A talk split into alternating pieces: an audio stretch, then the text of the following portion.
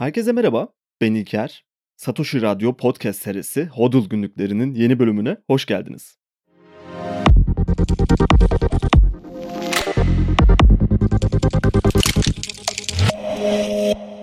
Bugün 21. bölümü yapıyoruz ve 21 sayısı Bitcoin için özel bir anlama sahip olan bir sayı. Sanırım herkesin bildiği gibi. O yüzden ben de bu bölüm için daha özel bir konuyu ele almak istedim.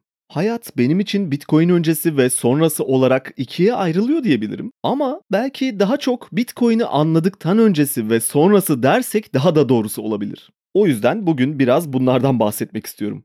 Zaten Bitcoin ve ben başlığı aslında ünlü bir başlık. Daha önce Hal Finney'nin yazdığı kısa bir yazı vardı aynı başlıkta. Oraya da geleceğiz. Biraz hikayeleştirerek durumu şu anda neredeyiz, nerede duruyoruz veya Bitcoin bize ne anlatıyor ve nereye doğru gidiyoruz? İşte tüm bunlar üzerinde konuşmak istiyorum. Ve bunu yaparken insan olarak geçebileceğimiz değişimlerden, fikirlerimizin gelişmesinden ve dünya görüşü olarak bambaşka birine dönüşebileceğimizden bahsetmek istiyorum. Hayat gerçekten de sürprizlerle ve ilginç şeylerle dolu ve o yüzden benim belki naçizane tavsiyem şu olabilir. İlginç bir şey gördüğünüzde sırt çevirip gitmeden önce karşılaştığınız şeyin neden ilginç olduğunu anlamaya çalışmak ve sorgulamak yepyeni ilginçlikler yaratabilir sizin için. Böyle bir şeyle karşılaştığınızda ilginizi çekmesini umuyorum diyebilirim kısaca. Önce isterseniz Hal Finney ile başlayalım. Satoshi'den sonra Bitcoin'i kullanan ilk kişi ve onun hikayesini bir dinleyelim. Bitcoin ve ben başlığında 2013 yılında paylaştığı bir yazı var. Yazıyı direkt aktarmak istiyorum çünkü bence çok önemli bir yazı. Aşırı uzun bir şey de değil ve Hal Finney hikayesini şöyle anlatıyor bize. Son 4 yıl hakkında yazmaya karar verdim. Bitcoin ve benim için önemli bir zaman bu. Beni tanımayanlar için ben Hal Finney. Kripto üzerinde çalışmaya PGP'nin erken bir sürümü üzerinde çalışarak başladım. Phil Zimmerman ile yakından çalıştım. Phil, PGP şirketini başlatmaya karar verdiğinde ilk işe alınanlardan biriydim.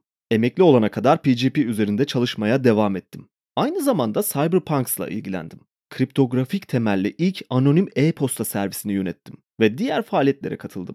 İleriye saralım.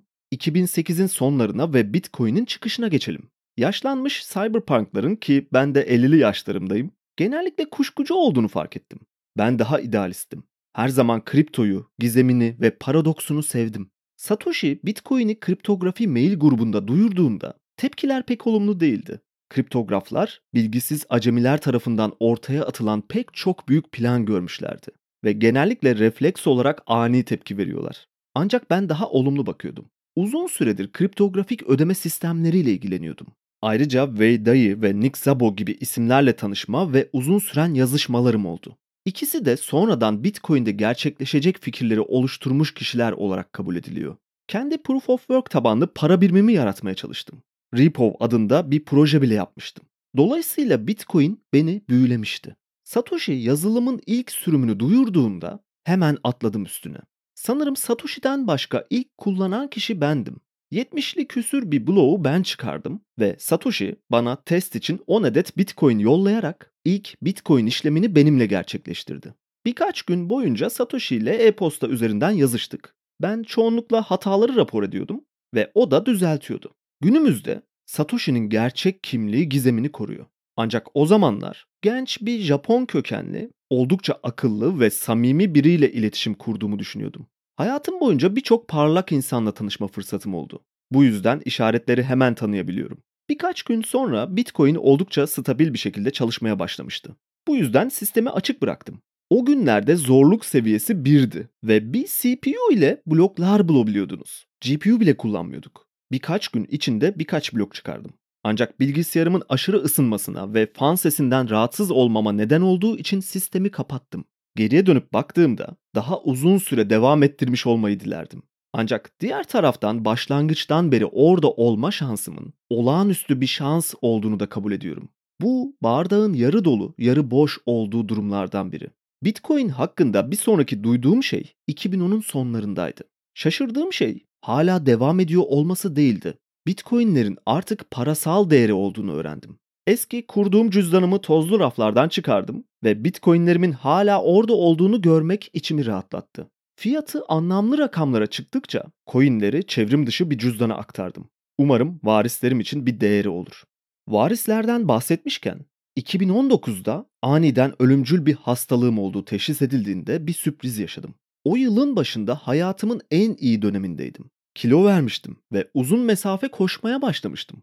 Birkaç yarım maraton koştum ve tam bir maraton için hazırlık yapmaya başlamıştım. 20 mil üstü koşulara kadar çıkmıştım ve her şeyin yolunda olduğunu düşündüm. İşte her şeyin ters gittiği zaman buydu. Vücudum başarısız olmaya başladı. Konuşmam bulanıklaştı. Ellerimdeki gücü kaybettim ve bacaklarım yavaşlamaya başladı. Ağustos 2009'da ALS olarak da bilinen Lou Gehrig hastalığı teşhisi konuldu. Bu hastalık adını o ünlü beyzbol oyuncusundan alıyor. ALS, beyinden kaslara sinyal taşıyan motor nöronları öldüren bir hastalık. İlk önce zayıflığa, ardından giderek artan bir felce neden oluyor. Genellikle 2 ila 5 yıl içinde ölümcül bir hastalık. Belirtilerim başlangıçta hafifti ve çalışmaya devam ettim. Ancak yorgunluk ve ses problemleri beni 2011 başında emekli olmaya zorladı. O zamandan beri hastalık durmaksızın ilerlemeye devam etti. Bugün esasen felçliyim. Bir tüp aracılığıyla besleniyorum ve nefes alışım başka bir tüp aracılığıyla destekleniyor. Bilgisayarı bir göz takip sistemi kullanarak çalıştırıyorum. Ayrıca bir konuşma sentezleyicisi de var. Bu yüzden o artık benim sesim. Tüm günümü tekerlekli sandalyemde geçiriyorum. Gözlerimle tekerlekli sandalyemin pozisyonunu ayarlayabileceğim bir arayüz oluşturmak için bir yazılım geliştirdim. Bu her ne kadar bir uyum süreci olsa da aslında hayatım çok da kötü değil. Hala okuyabiliyor, müzik dinleyebiliyor, TV ve film izleyebiliyorum. Yakın zamanda hala kod yazabildiğimi keşfettim. Çok yavaşım, muhtemelen öncekinden 50 kat daha yavaş ama hala programlamayı seviyorum ve bu bana hedefler veriyor. Şu anda Mike Hearn'ün önerdiği bir şey üzerinde çalışıyorum. Modern işlemcilerin güvenliğe yönelik özelliklerini kullanarak Bitcoin cüzdanlarını güçlendirmek için tasarlanmış bir şey. Neredeyse yayınlanmaya hazır. Sadece doküman kısımlarını hazırlamam gerekiyor. Ve tabii ki Bitcoin'lerin fiyat dalgalanmaları benim için çok eğlenceli. Oyunun bir parçasıyım ama Bitcoin'lerime şans eseri sahip oldum. Bu konuda pek bir katkım yok. 2011'deki çöküşü yaşadım. Yani daha önce de gördüm. Haydan gelen huya gidebilir. İşte bu benim hikayem. Genel olarak oldukça şanslıyım. ALS hastalığına rağmen hayatım oldukça tatmin edici. Ancak yaşam sürem sınırlı. Bitcoin'leri miras bırakmakla ilgili tartışmalar sadece akademik bir ilgi konusu değil benim için. Bitcoin'lerim güvenli bir yerde saklanıyor ve oğlumla kızım teknolojiye oldukça hakim. O yüzden onların yeterince güvende olduğunu düşünüyorum. Mirasım konusunda rahatım. Biraz hüzünlü bir yazı. Umut verici bir anlamda da. Birçok duyguyu içinde barındırıyor ve tam bir çeviri yaparak tüm metni aktarmak istedim bu yüzden. Hal Finney 28 Ağustos 2014'te hayatını kaybetti kaçınılmaz olarak. Bu bölümün yayınlanma tarihinden birkaç hafta sonra ölüm yıl dönümü geliyor. O yüzden de başka bir şekilde yine anlamlı bir bölüm bence bugün yaptığımız. Kendisinin Satoshi Nakamoto olduğunu iddia eden çok fazla kişi var. Ölümünden dolayı Satoshi'nin ortadan kaybolması durumunu da birleştirerek birçok farklı teori sunan insanlar var. Hal Finney ve Satoshi'nin zaman akışları aslında birbirlerine de çok benziyor. Ben bu teoriye bir ekleme yapacak olursam desteklemek amaçlı, geçtiğimiz aylarda Satoshi'nin yazılarında noktadan sonra hep çift boşluk bırakmasının Winston Churchill'den geldiğini iddia etmiştim. Çünkü Churchill bu konuda ciddi anlamda takıntılı biriymiş özel sekreterinin anlatımına göre. Hatta paragraflar arasında özellikle çift boşluk bırakmadan sekreteri onun sözlerini yazarsa, eğer böyle bir hata yaparsa hakarete varacak kadar sert tepkiler veriyormuş. Satoshi'nin buraya bir gönderme yaptığını düşünüyorum ben. Çünkü özellikle de İngiliz diliyle yazıyordu yazılarını da. Bu üç isim arasında şöyle bir bağlantı var ek olarak. Satoshi Churchill'a gönderme yapıyor. Churchill time is ripe kalıbını kullanıyor. Time is right demek yerine. Buradaki ripe zamanı geldi. Zaman artık hazır. Yani bir şey ekilmiş ve artık tüm şartlar uygun demek gibi bir şey. Churchill'in ünlü bir sözü. Aynı zamanda bu bir İngiliz deyimi. Fakat aynı kalıbı Amerikalı olan Hal Finney kendisi de bir yazısında kullanıyor. Bu benim için çok ilginç bir keşif oldu. Ayrıca Hal Finney 94'te yazmış bu yazıyı ve Hal Finney Time is Ripe kalıplarını kullanarak aratırsanız ulaşabilirsiniz. Bu arada çok uç bir teori bu bahsettiğim şey ve sadece kendi düşüncelerimi aktarıyorum. Bana ilginç geldiği için paylaşmak istedim. Belki ilginç bir bilgi daha aktarmak gerekiyor bu arada. Hal Finney ölümünü de bir teknolojik gelişime emanet etmiş durumda. Kriyojenik beden dondurma yöntemini belki duymayanlar olabilir ama şu anda ne kadar gerçekçi olduğunu bilmemekle birlikte var olan bir teknoloji. O yüzden bedenini dondurmayı tercih etmiş. Bu teknoloji sanırım şu anda yasal olarak ölümden önce tercih edilemiyor ama eğer bu tarz şirketlerle anlaşma yaparsanız ölümünüzde hazır bekliyorlar. Eğer beklenen bir şeyse ve dakikalar içinde ölümden sonra sizi hazırlayarak donduruyorlar. Tesislerine götürüyorlar ve orada saklıyorlar bedeninizi. Daha vücudunuzun tamamen işlevselliğini kaybetmediği bir anda yaptıkları için bu işlemi, eğer ileride sizin yaşadığınız mesela ALS gibi hastalıklara basit bir tedavi bulunursa ve vücudunuzu da tekrardan geri canlandırma yöntemleri geliştirilmiş olursa sizi canlandıracaklar ve hastalığınızı tedavi edecekler. Hayatınıza devam edeceksiniz. Çok bilim kurgu geldiğinin farkındayım ve birçok aksilik çıkabilir. Belki 200 yıl sonra böyle bir şey olacak. O zamana kadar bedeniniz gerçekten saklanacak mı? Aile üyelerinizden belki kimse kalmayacak. Sizin takibinizi kim yapacak? Hepsi ilginç sorular. Ama insanlar bir ihtimal diyerek bu seçeneği değerlendirebiliyorlar. Ek bir alt başlık olarak bu ilginç konudan da bahsetmek istedim. Özellikle Halfini konuşurken. Neyse konuyu çok dağıtmayalım. Sadece özel bir yer ayırmak istedim Halfini'ye bölümün başında. Çünkü çok önemli bir isim bence. Ayrıca yazısından yola çıkarak ilerlemek istedim ve bazı dikkat etmemiz gereken detaylar olduğunu düşünüyorum. Özellikle cyberpunklarla ilgili olan kısım üzerinden başlamak istiyorum. Onları tanımlarken anlatmaya çalıştığı bir şey var. Bunlar kuşkucu ve şüpheci insanlar diyor.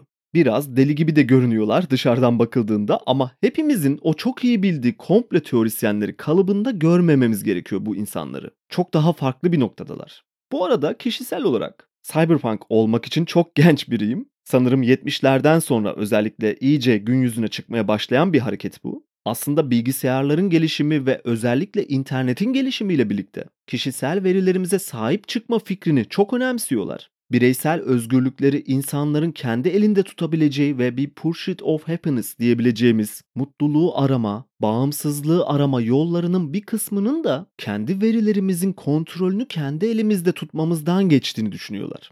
Ve genel olarak liberal bir bakış açısıyla dünyaya bakıyorlar. Fikir olarak kendimi çok içinde hissettiğim bir topluluk bunlar. Fakat bu her zaman böyle değildi. Ve bugün işte Bitcoin ve ben derken Biraz bunlardan bahsetmek istiyorum. Oldukça sosyal demokrat bir ortamda büyüdüm ve bugün geldiğim noktada sosyalizme de, demokrasiye de inanmayan hatta başarısızlıklarının tescillenmiş olduğunu düşündüğüm bir bakışa geçmiş durumdayım. İşte bu yolculuğun katalizörü Bitcoin oldu benim açımdan ve sizi de benzer bir yolculuğa çıkartmak istiyorum açıkçası. Elbette bazı şeyleri empoze etmek istemiyorum ve sadece kendi hikayemi paylaşmaya çalışacağım. Dipnot olarak bunu da vermem gerekiyor. Tüm bunların üstüne sanırım o halde başlayabiliriz artık. Toplumsal paylaşımdan ve bu konuda ürettiğimiz fikirlerden başlamak istiyorum. Adam Smith'ten başlamak istiyorum. Aslında çok daha geriye de gidebiliriz. Antik Yunan felsefesine kadar uzanabiliriz veya edebiyata bile bir noktada uğrayabiliriz. Ama Adam Smith'in şu sözü bence çok güzel bir başlangıç noktası. Şöyle diyor: İnsan pazarlık yapan bir hayvandır. Başka hiçbir hayvan bunu yapmaz. Hiçbir köpek bir diğeriyle kemik alışverişinde bulunmaz. Şimdi bu sözü gerçekten derinlemesine düşündüğümüzde insan doğasıyla ilgili, ekonomiyle ilgili birçok şey anlatıyor. Benim uzun bir süre farkında olmadığım bir şey anlatıyor aslında.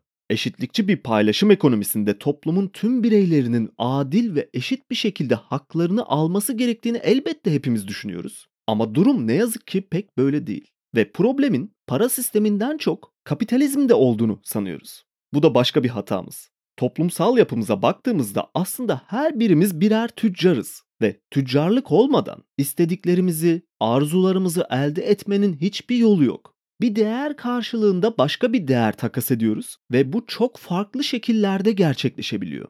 Bir işçi bir fabrikada kendisi için önemli olduğunun çoğunlukla farkında olmadığı zamanını takas ediyor karşılığında başka bir yerde kullanabilmek üzere likit şekilde takas edilebilir bir değer alıyor.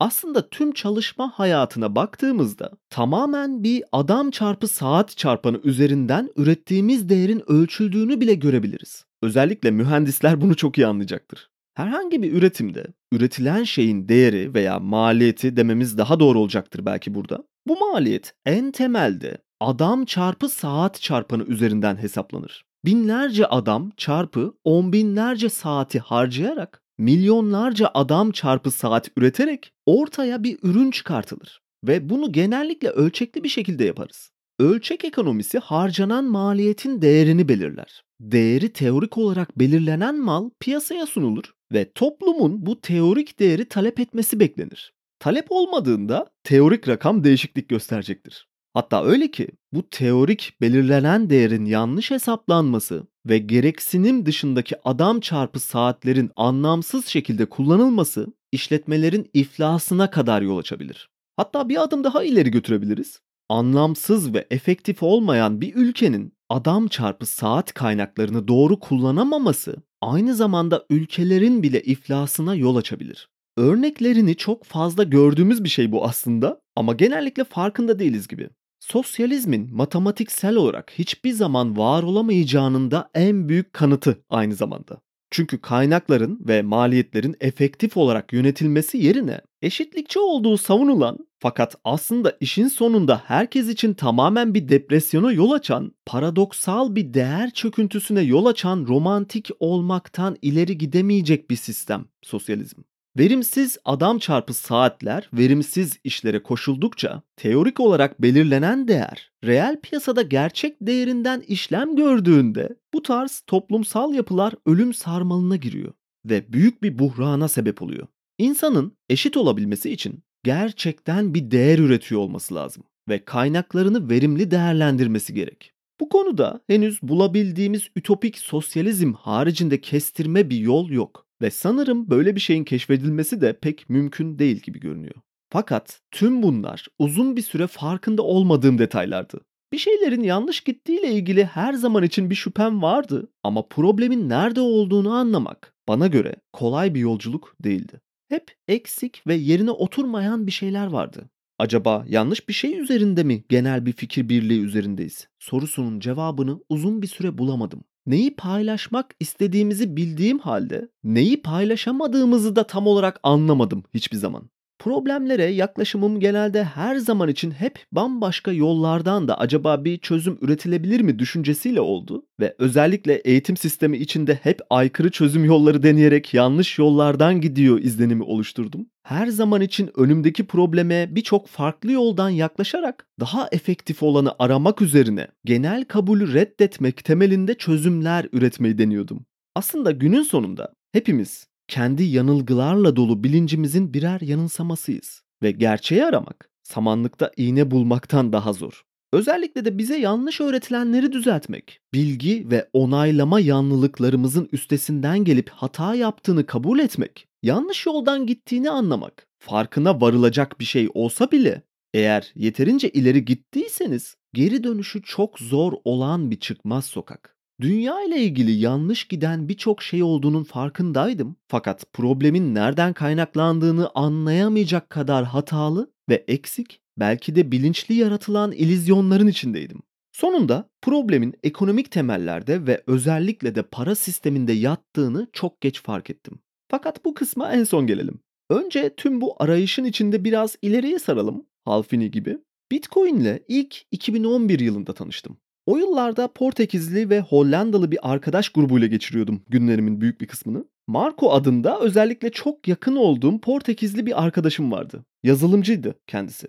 Onun başka bir arkadaşının kurduğu bir internet sitesinden bahsetti ve reklam botları yaratmışlar. Tıklama almak üzerine hazırlanmış bu reklam botlarından satın alıyorsunuz ve gelir elde ediyorsunuz. Eğer yeterince büyütebilirseniz ciddi bir gelir de var. Bu internet sitesinden bahsetti ve çok kolay bir şekilde biraz reklam geliri elde edebileceğimizi anlattı. Elbette denemek istedim. Yeniliklere ve değişik fikirlere her zaman açıktım. Siteden satın aldığımız botlarla ki tahminim bugün için düşünüldüğünde oldukça basit yazılımlardı sanırım bunlar. Ama fena sayılmayacak bir gelir üretiyorduk. Buradaki kazançları almak için o dönem PayPal kullanıyorduk. Marco bir gün tüm bu gelirleri Bitcoin olarak da çekebileceğimi söyledi.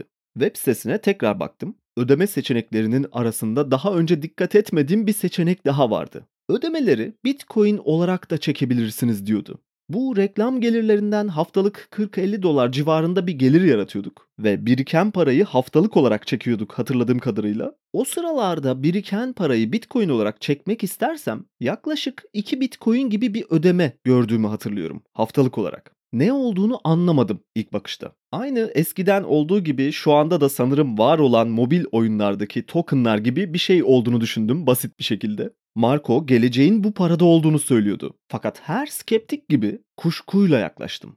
Logosu bile bir para biriminden çok değersiz bir token'a benziyordu. Reklam gelirlerini web sitesinden dolar olarak çekmeye devam ettim PayPal üzerinden bu yüzden.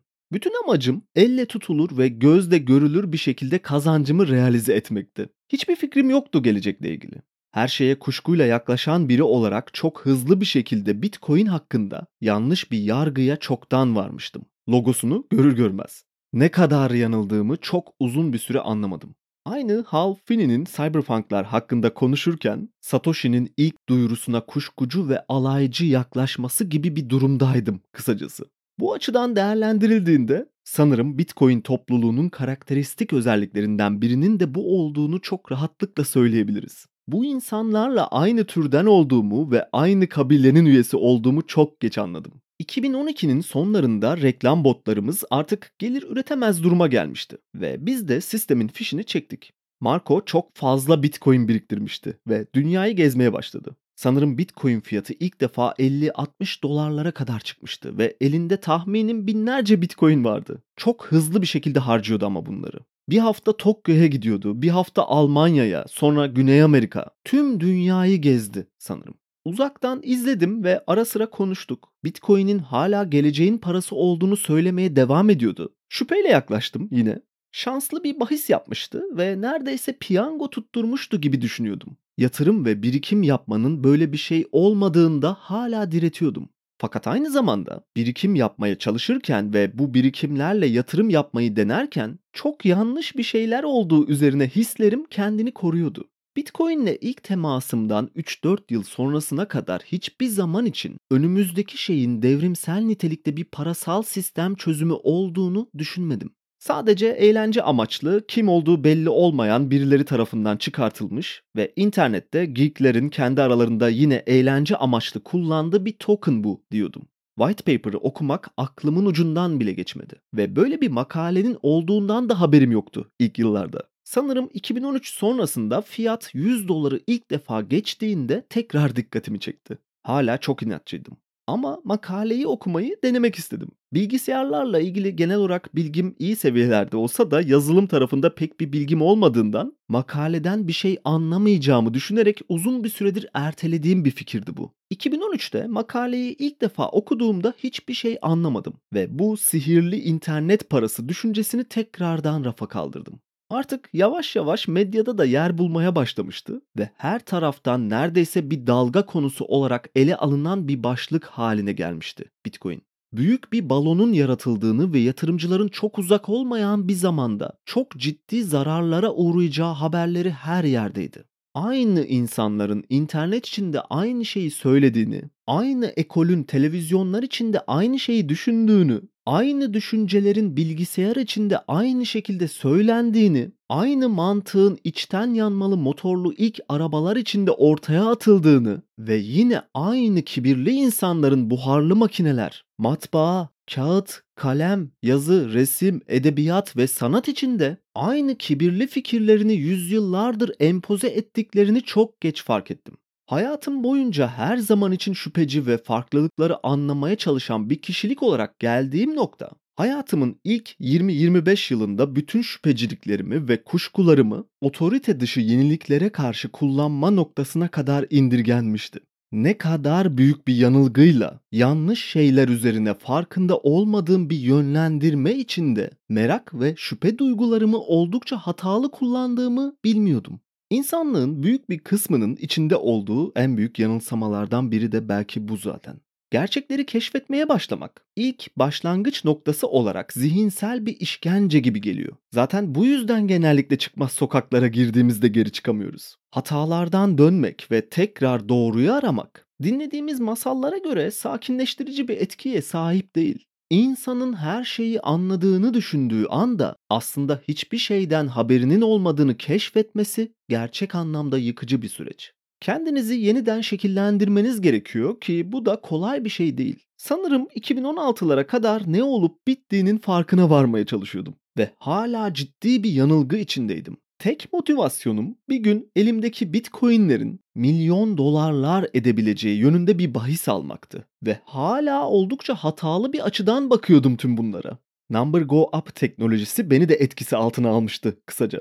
Sonunda 3-4 defa tekrar eden bir döngüden sonra white paper'ı anlamaya başladığımda önümde duran makalenin Einstein'ın 1905'te yayınladığı görelilik makalesinden neredeyse pek bir farkı olmadığını keşfettiğimde zihnimdeki camdan duvarların parçalandığını hissettim. Şangur şungur çıkan sesleri bile duydum diyebilirim. Sonra tekrardan başladım. Marx'ı yeniden okudum. Bu sefer kıkırdayarak biraz. Platon'u ve Dostoyevski'yi tekrardan anlamaya çalıştım. Adam Smith benim için ciddi bir öcüyken aslında ne anlatmak istediğini tekrar düşünmeye başladım. Son 100 yılımız her şeyin teorisini aramakla geçti ve başarısızlıkla sonuçlandı. 21. yüzyılın başında aynı bir önceki yüzyılın başında olduğu gibi dünyayı baştan sona değiştirecek yeni bir fikrin doğuşuna şahitlik ediyor oluşumuzu gördüm. Belki her şeyin teorisi demek abartılı görünebilir. Fakat insanlık için temel bir paradigma değişimine sebep olacağını görmemek aynı derecede hatalı olacaktır. Satoshi'nin sanırım tüm yazılarını okudum forumda yazdıklarını, mail olarak gönderdiklerini ve aynı Hal Finney gibi ben de karşıdaki kişinin sadece yazım stilinden oldukça parlak biri olduğunu fark ettim. Böyle şeyler birkaç defa karşılaştığınızda tespit etmesi çok da zor olmayan şeyler. Bitcoin'in tüm finansal sistemi bir kara delik gibi içine çekeceğini anlamak ya da bunun günün birinde gerçekleşeceğini keşfetmekle Bitcoin'i gerçekten anlamak bana göre birebir aynı şeyler değil. Hayatımda ilk defa paranın gerçekte ne olduğunu ve ne olması gerektiği üzerine kafa yormaya başladım. Karşılaştığım manzara benim açımdan pek iç açıcı değildi. Hayatımda ilk defa paranın ne işe yaradığını ve ne işe yaramadığını anladım. Parasal sistemi anlamak bana göre çok uzun bir yolculuğun henüz daha ilk adımlarını atmak gibi. Bu noktaya geldiğimde tüm olayı neredeyse çözdüğümü düşünüyordum ve tekrardan kendimden oldukça emin bir hale gelmek üzereydim. Ki tavşan delinden aşağı doğru devam ettikçe ne kadar az şey bildiğimi ve hala ne kadar büyük bir yanılgı içinde olduğumu tekrar kabul etmek zorunda kaldım.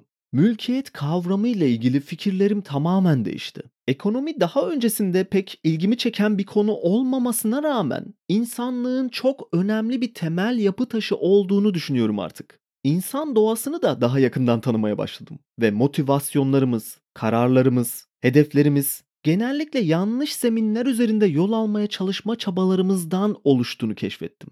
Bizden başka hiçbir hayvanın neden pazarlık yapmadığı düşüncesi hala belki benim için bir bilmece ve tüm bunların temelinde belki de para var. Bizim için her şeyi değiştireceğini düşündüğümüz, bütün hayatımızı şekillendiren ve hangi yoldan ilerleyeceğimizi belirleyen para. Neden bu kadar önemli olduğunu sormak sanırım sorulması gereken ilk sorulardan birisi. Ve bu soruları ne kadar erken sormaya başlarsak yine inanıyorum ki o kadar iyi. Ve şunu anlamamız gerekiyor. Bitcoin bir hızlı zengin olma yolu değil. Bu amaçla katılanlar dışında çok daha anlamlı bir azınlık dünyayı değiştirebileceğini düşünüyor Bitcoin'in. Ben hayatım boyunca hemen hemen her konuda muhalif olan biri oldum. Gördüğüm her şeye ilk bakışta hayır dedim ve farkında olmadan hep kendimi azınlıkların arasında buldum. Benim için fikirler veya gerçekler iki tarafa yığılmış bir tartı makinesinde tartılan ve çoğunluğun ağır bastığı, idealleri şekillendirdiği kavramlar değil gerçeği aramak. Çoğunlukla gerçeğin karşısında yığılmış kalabalıklara karşı bıkmadan doğru olduğunu bildiğin şeyi savunmak oluyor genellikle. Ve haklı çıktığını görmek için çok fazla beklemen gerekebiliyor. Hatta bazen bir insan ömründen bile daha fazla. Fakat bunu bilmek aynı zamanda gerçeklikten kopmayı ve kolay yolu tercih etmeyi gerektirmiyor bana göre. Aksine durduğun yeri daha da iyi anlayıp çok daha iyi bir şekilde anlatmayı gerektiriyor. Tüm bunları fark etmek, fark ettiklerini aktarmaya çalışmak tavşan deliğinden düşen Alice gibi hissettiriyor. Ya da Matrix'te kırmızı hapı aldıktan sonra kapsülde uyanıp kendi ilizyonlar dünyasının bağlantı fişini çeken Neo gibi şaşarak bakıyorsunuz etrafınıza.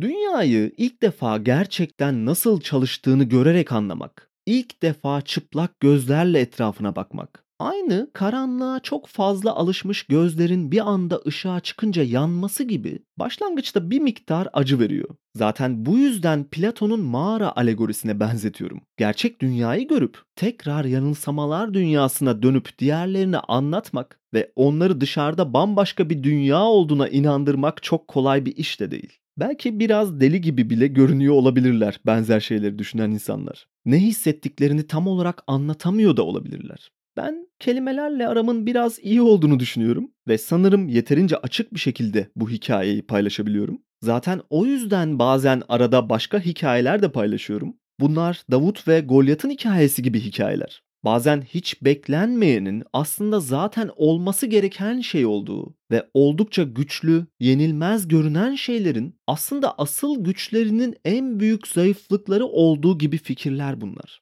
Ya da Tolstoy'un Köylü Pahom hikayesi. Bir insana ne kadar toprak yeter sorusu.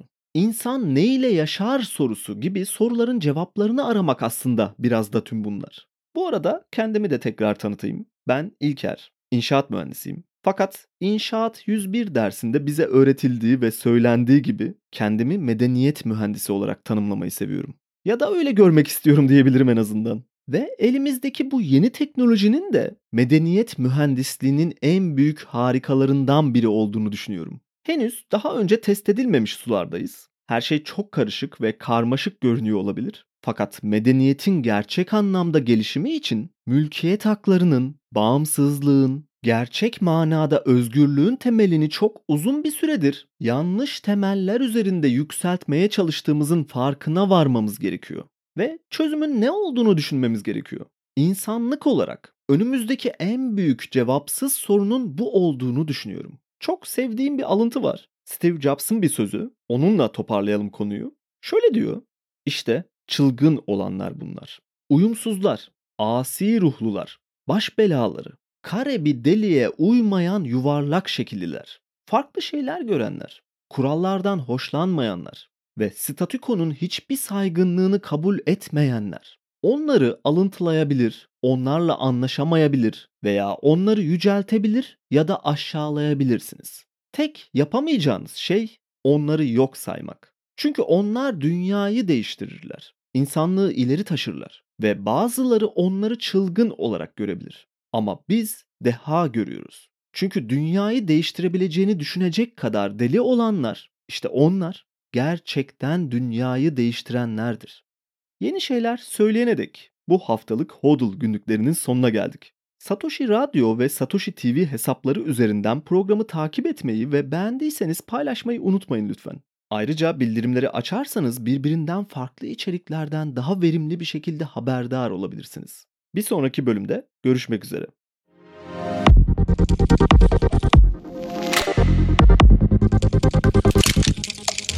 Música